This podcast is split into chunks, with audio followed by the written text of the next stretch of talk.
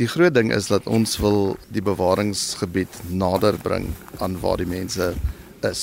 En ons is baie uniek in die sin dat ons eintlik omring is deur plekke soos Kariga, Kebega en dan al die ander areas rondom ons soos Quanabushle en Zwede en um, Motherwell en daai areas. So ons is regtig omsingel en um, dit is waar dit so uniek is dat ons die wilde die hele ekologie kan ontbloot aan die mense in die metro.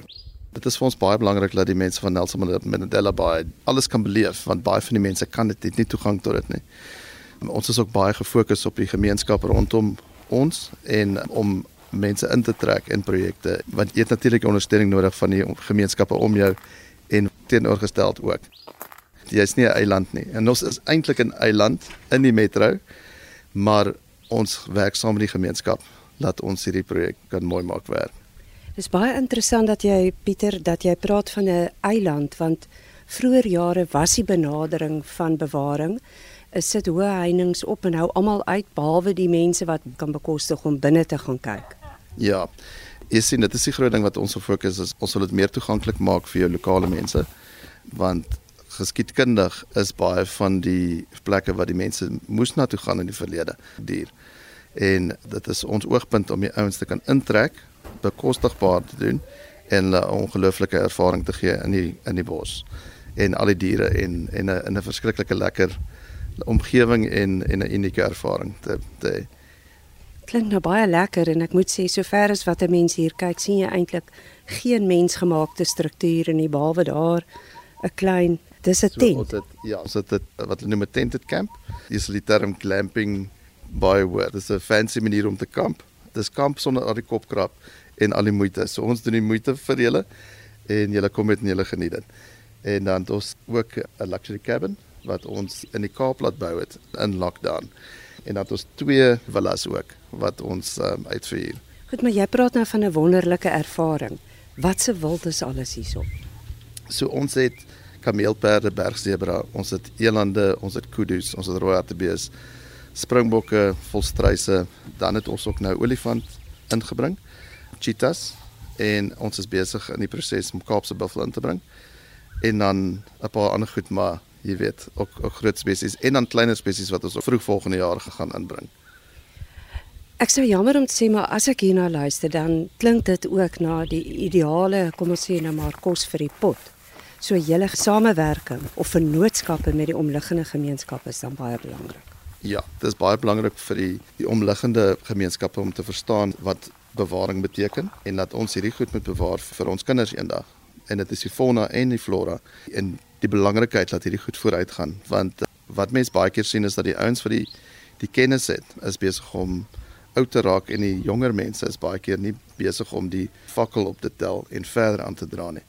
En um, ons het ook 'n in Emse kwekery in Dalo wat ook baie naby met die gemeenskap werk wat bome plante by die skole op 'n groot maat en om hierdie tipe van inligting aan hulle te probeer leer en oor te dra want dit is baie belangrik. Soos ek gesê, ons is 'n eiland, maar ons ons kan ook nie 'n eiland wees nie. Ons moet saam met die gemeenskap werk. Die kennis wat jy moet oordra is baie belangrik, ja.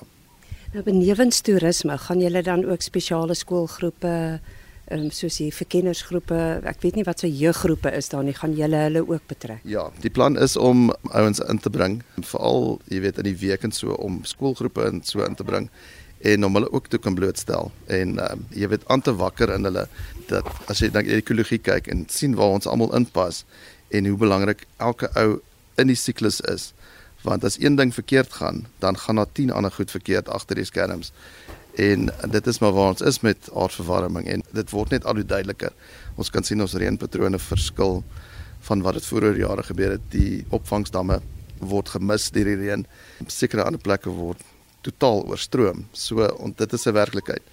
En ehm um, dit is baie belangrik dat ons ook daai aanwakker in die jong mense vandag laat hulle die ouens is wat vorentoe hierdie goed gaan probeer uitsorteer want hierdie goed gaan nie self regkom nie. Ons sal almal met daad saamwerk om dit te kan regmaak. As ek hierna kyk en dan moet ek nou sê dit is al eintlik 'n algemene gesig om te sien die wêreld is oortrek van indringer bome. Maar ek sien hier nie 'n wattel of 'n den nie.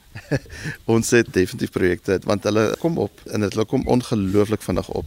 Ons het projekte en ons het mense wat dit aktief uithaal en ons het ook planne in die pipeline. Ons is besig om soos wat hulle noem 'n fire kitchen te maak.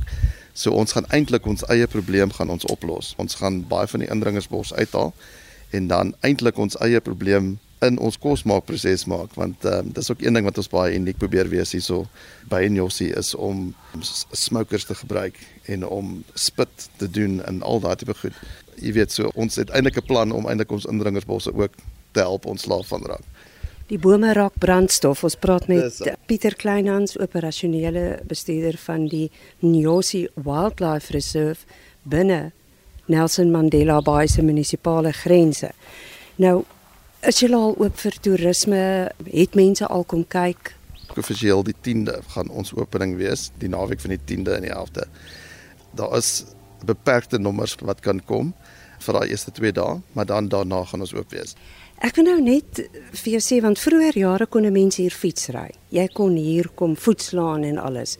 Maar as ek nou hoor buffels, kameelperde en sulke dinge dan en nou olifant, dan weet ek nie. Ja, nee, dit was die die fokus soos ons gesê het vroeër jare was om eiendom te verkoop. Daai fokus het 'n bietjie op die agtervoet geskuif en ons het nou besluit op die bewaringsgedeelte eers totdat daai gedeelte van Nelson Mandela Bay bietjie opvang na ons gedeelte toe. Daar is nog steeds 'n langtermynplan, maar vir nou is dit ongelukkig nou vir die ouens wat nou nou fiets gery het en en bietjie gedraf het en gaan stap het. En dit sal dan nie meer kan gebeur nie. Dit is net saam met 'n nature guide soos hulle sê of met 'n jy weet in 'n voertuig saam met ouens wat jy kan die dinge wys en jou veilig hou. En hier by ons is Handisa Makwakaza. Sy is die Oos-Kaapse hoof van die Suid-Afrikaanse Toerisme Assosiasie en jy is baie opgewonde oor hierdie ek sê sê 'n ware wildreservaat in Nelson Mandela Bay.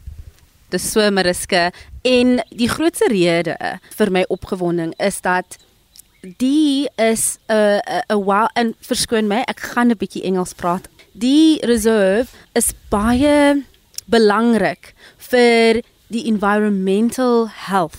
Ons woon in 'n tyd waar ons het nie water nie. There's a drought. There's so much pollution.